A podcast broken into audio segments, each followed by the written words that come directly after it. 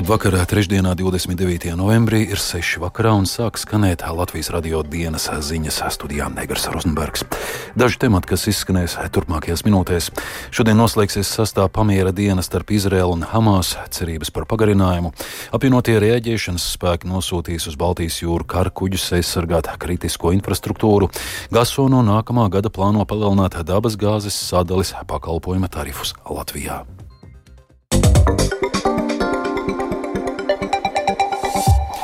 Šodien pienākusi sestā diena, kad starp Izrēlu un teroristisko grupēm Hamas noslēgtā vienošanās par pamieru joprojām ir spēkā. Saskaņā ar vienošanos pēdējo sešu dienu laikā atbrīvoti vairāki desmiti ķilnieku, tomēr liela daļa joprojām atrodas Gazas joslā. Tādēļ daudzi cer, ka pamieru šodien pagarinās otro reizi. Plašāk stāsta Erhards Plūme.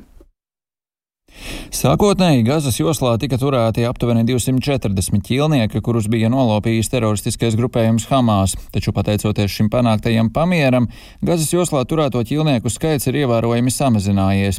Piektajā pamiera dienā, jeb otrdienas vakarā, tika atbrīvoti 12 ķīlnieki, 10 izrēlieši un 2 taizemieši. Savukārt Izrēla atbrīvoja vēl 30 ieslodzītos palestīniešus. Tātad kopējais cilvēku skaits, ko atbrīvojuši Hamas teroristi, sasniedz 81 vienu cilvēku, savukārt Izrēla kopumā no ieslodzījuma atbrīvojusi jau 180 personas. Pastāv cerības, ka pamieris šodien tiks pagarināts. Par to liecina arī sarunu norise Katarā. Kā zināms, Kataras vārds izskan diezgan bieži, jo tieši šī valsts ir starpniece, ar kuras palīdzību viss tiek risināts.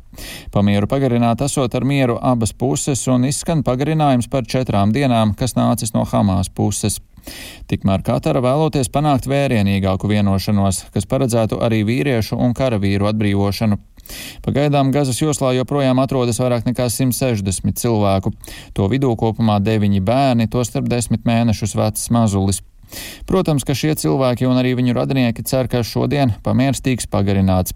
Tikmēr premjers Benjamins Netanjahu pēdējo dienu laikā vairāk kārt uzsvēris, ka neatkarīgi no tā, cik ilgs būs pamieris, pēc tā beigām Izraēlas armija turpinās operāciju Gazas joslā, lai sasniegtu visus mērķus un iznīcinātu Hamas. Vienlaikus viņš paudis apņēmību atbrīvot visus ķīlniekus. Arī Gazas joslā esošie civiliedzīvotāji cer, ka pamieris turpināsies, jo tas nozīmē ilgāku laiku bez Izraēlas armijas īstenotās bombardēšanas un sauszemes operācijām. Situācija Gazas joslā gan ir skarba, jo, lai gan tur pamiera laikā turpināja ieplūst palīdzība, taču pieprasījums pēc tās ir daudz lielāks par pašu palīdzības apjomu.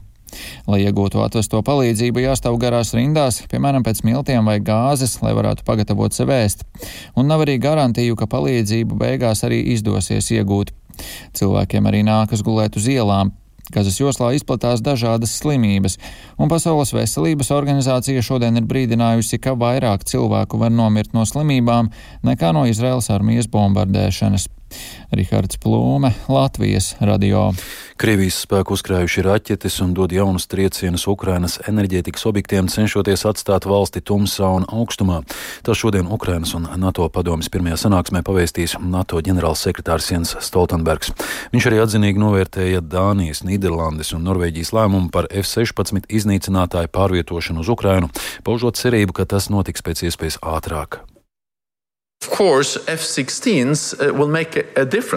will... Protams, F-16 daudz ko mainīs. Tie stiprinās Ukrainas spējas nodarīt Krievijas iebrucējiem zaudējumus. F-16 palīdzēs vēl vairāk stiprināt Ukrainas pretgaisa aizsardzības spējas. Tajā pašā laikā, manuprāt, mums tagad ir jāsaprot, ka nav vienas sudraba lodes, vienas sistēmas, kas pati par sevi būtiski mainītu situāciju kaujas laukā. Šis ir jautājums par daudzām un dažādām spējām, kas vienlaikus strādā kopā, kas atgrūdīs Krievus atpakaļ. Mums ir jābūt gataviem ilgai un smagai cīņai. Lai aizsargātu kritiski svarīgo infrastruktūru pēc gāzes cauruļvadu noplūdēm, apvienotie reaģēšanas spēki no desmit valstīm uz Baltijas jūru decembra sākumā nosūtīs 20 karakuģus. To kā praktisku un simbolisku soli uzsver aizsardzības ministrs Andris Sprūts no progresīviem. Savukārt Saimnes aizsardzības komisijas vadītājs Ramons Bergmanis no apvienotā saraksta slavēja ātro reakciju un arī kopīgās militārās mācības. Vairāk Jāņa Kīņša sagatavotajā ierakstā. Apvienotajos rēģēšanas spēkos darbojas desmit valstis rūpēs par drošību Ziemeļeiropā. Šo sadarbības formu pēc Lielbritānijas iniciatīvas izveidoja 2015. gadā. Tajā darbojas arī Dānija, Zviedrija, Norvēģija, Somija, Latvija, Lietuva, Igaunija, kā arī Niderlanda un Islande. Valstu grupas izveidas laikā aizsardzības ministrs bija tagadējais Saimnes aizsardzības komisijas vadītājs Raimons Bergmans no apvienotā saraksta. Viņš uzsver kopīgu tehnikas un militāro apmācību lomu, kas ļauj ātri rīkoties dažādās reģionu drošības situācijās. Arī pērnos ar apvienotie rēģēšanas spēki organizēja kopīgas mācības. Toreiz notika militārs vingrinājums Baltijas jūrā ar jūrniecības elementu, pretgaisa aizsardzības un praktiskās šaušanas treniņiem. Taču šoreiz ir pirmā reize, kad apvienotie rēģēšanas spēki kuģu patruļas organizēja izmantojot atbildes variantu vai no angļu valodas response option pēc kāda konkrēta notikuma. Šo soli lika spērt Somijas un Igaunijas gāzes vada Baltika konektora sabojāšana oktobra sākumā. Šī desmit valstu kopīgā rīcība papildina katras valsts individuālos soļus un arī NATO dienas kārtību, uzsver Latvijas aizsardzības ministrs Andris Sprūts no progresīvajiem. Kritiskā infrastruktūra tiks aizsargāta, savstarpējā sadarbība ir ar NATO, jo arī NATO sākotnēji aktīvi teiksim, tā, reaģēja un nosūtīja savus atsevišķus vienības. Šobrīd savukārt eh, apvienoto rēģēšanas spēku aktivitāte ir. Protams, ka tas ir parādīt signālu, ka principā mēs aizsargāsim, mēs esam gatavi pastiprināt savu klātbūtni, mēs esam gatavi iedarbināt dažādas eh, mehānismus, lai tas arī tiktu efektīvi īstenots. To, cik speciālistu vai kuģi no Latvijas flotes dosies šajā misijā, ministrs gan atturas nosaukt. Taču zināms, ka Baltijas jūrā un Atlantijas okeāna ziemeļos dosies kopumā ap 20 kara kuģu. Jānis Kincis, Latvijas Radio. Pieteikšanās valsts aizsardzības dienestā nav noritējusi tik atsaucīgi, kā bija cerēts, un jūlija iesaukumam no 480 iesaucamajiem brīvprātīgi pieteikušies tikai nedaudz virs 250. Turklāt ap 30% dienestam nekvalificēsies veselības trūkumu dēļ. To šorīt Latvijas radio atklāja aizsardzības ministrijas valsts sekretārs Jānis Garisons. Valsts aizsardzības dienesta aktualitātes un attīstības perspektīvas šodien apsprieda Saimas aizsardzības komisijā, un Garisons informēja, ka pašlaik iesaucamo gadījumos vēl tikai manuāli atlasa. Izloze notiks 23. janvārī, pēc tam nosūtītas eh, pavēsts eh, ierasties uz eh, medicīnisko pārbaudi. Un tajā brīdī, protams, pavēsta par iesaukšanu tiks nosūtīta tikai tad, kad ir izieta medicīniskā pārbaude un kad tad ir skaidrs, ka jaunieci atbilst. Tad, lai nodrošinātu līdzvērtības principu, lai nebūtu tā, ka, teiksim, no viena varagļāna vismazākais novads, ka mēs no turienes paņemam visus un no Rīgas, piemēram, maz, tad tiek sadalīti proporcionāli 330. Visdrīzāk, kad man no maziem novadiem varētu būt tāds, ka viens, divi tiek atlasīti. Finanšu grūtībās nonākušās Rēzeknes eh, domē pēc trim nenotikušām sēdēm šodien uz kārtīgo domas sēdi sanākusi lielākā daļa deputātu. Līdz ar to pretēji iepriekšējiem vairākuma centieniem ar sēžu boikotēšanu panākt visas domas atlaišanu, šoreiz bija pārliecinošs kvorums un eh, deputāti varēja izskatīt vairāk nekā mēnešu garumā iekrātos 28 jautājumus. Vairāk stāsta Madara Bērtiņa no Latvijas radio Latgales studijas. Labrīt, cienījamie kolēģi, labrīt, klātesošie. Mēs sākam atkārtot kārtējo domas sēdi. Ir kvorums un varam strādāt. Šie vārdi Reizeknas domas sēžu zālē nebija dzirdami jau kopš 19. oktobra. Pēc trim opozīcijas deputātu sabotētām, līdz ar to kvoruma trūkuma dēļ nenotikušām sēdēm, šodien uz domas sēdi bija ieradušies 12 no 13 vietvaras deputātiem, lai skatītu 28 iekrātos jautājumus. Galvenais, protams, tas ir budžeta grozījumi, pedagoģa atalgojuma izmaiņas, arī cenu rādīs, kas skar sociālo pārvaldi. Bet, protams, pārējie vai arī svarīgi, ka tiek lēmumi bija pie, pieņemti šodien. Būtiskākos šodien pieņemtos lēmumus uzskaitīja Rēzeknes domas priekšsēdētāja vietnieks un mēra pienākumu izpildītājs Aleksis Stečs no partijas kopā Latvijai. Opozīcijas deputāts Jānis Zeltiņš no partijas progresīvie vērtē, ka domas darbs ir atgriezies ierastajā kārtībā. Man ir prieks, ka šodien ledus ir izkustējies, ir process aizgājis. Un, nu, būsim reāli. Mēs atgriezīsimies vecajās sliedēs, jo riski pazaudēt varu ir pārāk lieli un to nevēlas neviens. Līdzinējās sēdes nenotika, jo valdošā partija kopā Latvijai bija apņēmusies panākt domas atlaišanu un jaunas ārkārtas vēlēšanas pašvaldībā. Jo, kā paredz likums, pēc trim nenotikušām domas sēdēm saima var atlaist vietvaru. Bet jums bija šis TikTok ieraksts, kur jūs teicāt, ka vispār nenāksiet, bet šeit jūs esat. Nu, es nezinu, es neceros, ka par kādu tiktok ierakstu jūs runājat. Nu, iespējams, arī, arī to, to te teicu. Un es neizslēdzu, ka nebūs atkārtošanas tas situācijai. Komentēja atstādinātais Reizeknes mērs Aleksandrs Bartaševičs no partijas kopā Latvijai, konkrēti gan neprecizējot, vai domas vairākums arī turpmāk plāno ierasties uz sēdēm. Tikmēr jau rīt saima otrajā galīgajā lasījumā izskatīs grozījumus divos likumos. Plānots, ka turpmāk pašvaldības deputāta pilnvaras varēs anulēt Centrālā vēlēšanu komisija, ja attiecīgais deputāts trīs mēnešu laikā bez attaisnojoša iemesla nebūs apmeklējis vairāk nekā pusi no domas sēdēm. Savukārt pašvaldību likumā paredzēts noteikt, ka domas sēdi varēs sasaukt pat piekdaļa deputātu, ja domas pilnais sastāvs kādu iemeslu dēļ nepildīs savus pienākumus. Madara Bērtiņa, Latvijas radio studija Latgalē. Rīgā atjaunos savulaik likvidēto pretkorupcijas komisiju, tā lēmus Rīgas doma. Mērķis labāk izprast ētiku, novērst interešu konfliktus un pilnveidot trauksmes celšanu. Par komisijas atjaunošanu deputāti sāk runāt vasarā, kad izjuka bijušā mēra Mārtiņa Staķa vadītā koalīcija. Darbu komisija pārtrauca pirms 14 gadiem, kad pie varas Rīgā nāca Nils Ušakovs no Saskaņas. Domas deputāts Enārs Celīnskis no Nacionālās apvienības Latvijas reģiona apvienības kopīgās saraksta Latvijas radio atzina, ka ir gatavs šo komisiju vadīt līdzīgi, kā tas bijis 2009. gadā.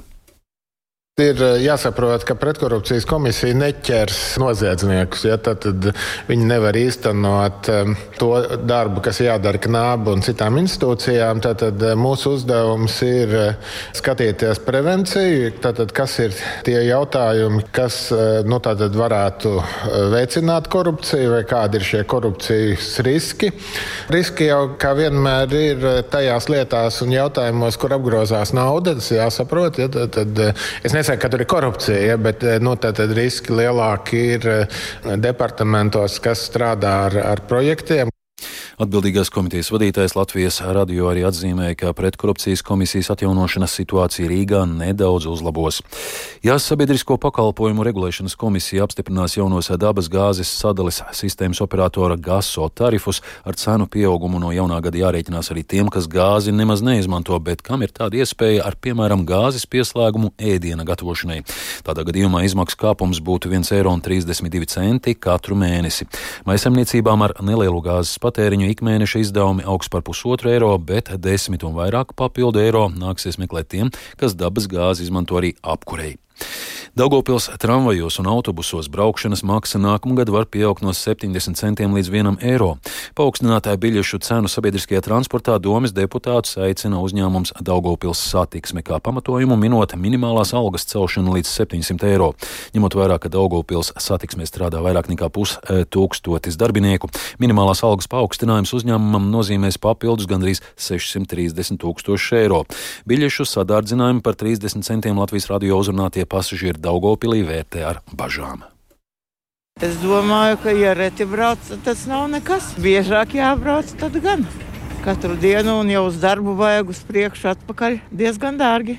Bēdīgi varētu būt 70, 75, vairāk pasbišķi pa daudz. Nevajadzētu tā. Jau tā dārgi teikt, priekš, priekš manis pieredzes pie tās summas, jā, tad pēkšņi tāds eiro. Vispār sadārdzinājumu, kā viņa valde divu eiro sadomās pacelt. Viņiem vienmēr par maz ir. Turpinājumā par sportu Latvijas čempioni telpu futbolā Rīga Čempionu līgas elites kārtas pirmajā mačā šodien Zemgals Olimpiskajā centrā tiksies ar Francijas vienību no Lavālas. Mačs sāksies septiņos vakarā, tiešraidē to pārraidīs kanāls TV4.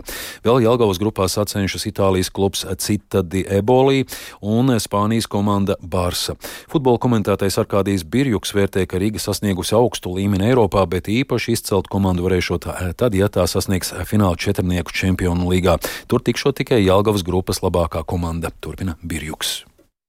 Nu, sporta kontekstā grūti vērtēt, ja mēs tā raugāmies, nu, lai sasniegtu telpu futbolu top 16. Nu, piemēram, Rīgai FC šogad ir 400 tūkstoši eiro budžets, un uh, tas noteikti nav uh, mazākais budžets starp visām 16 dalībniecēm. Mēs tur salīdzinām, ko nozīmē tur basketbolā vai hokejā tikt uh, top 16 vai kāds tur formāts Eirokalsē. Nu, droši vien tur vajadzīga drusku lielāka naudiņa nekā telpu futbolā un pat, nezinu, sieviešu futbolā, piemēram, lai tiktu 16 15 starpnieka, tur arī ap miljonu vajadzīgs budžets. Tā kā globāli, nu, droši vien nav vēl tik jaudīgi, jaudīgi būtu noteikti top 4.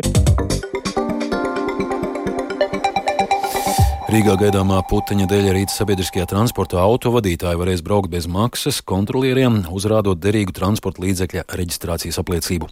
Par tā dāvātajām puteņa biļetēm šodien paziņoja Rīgas mērs Vilnis Čirsis no jaunās vienotības.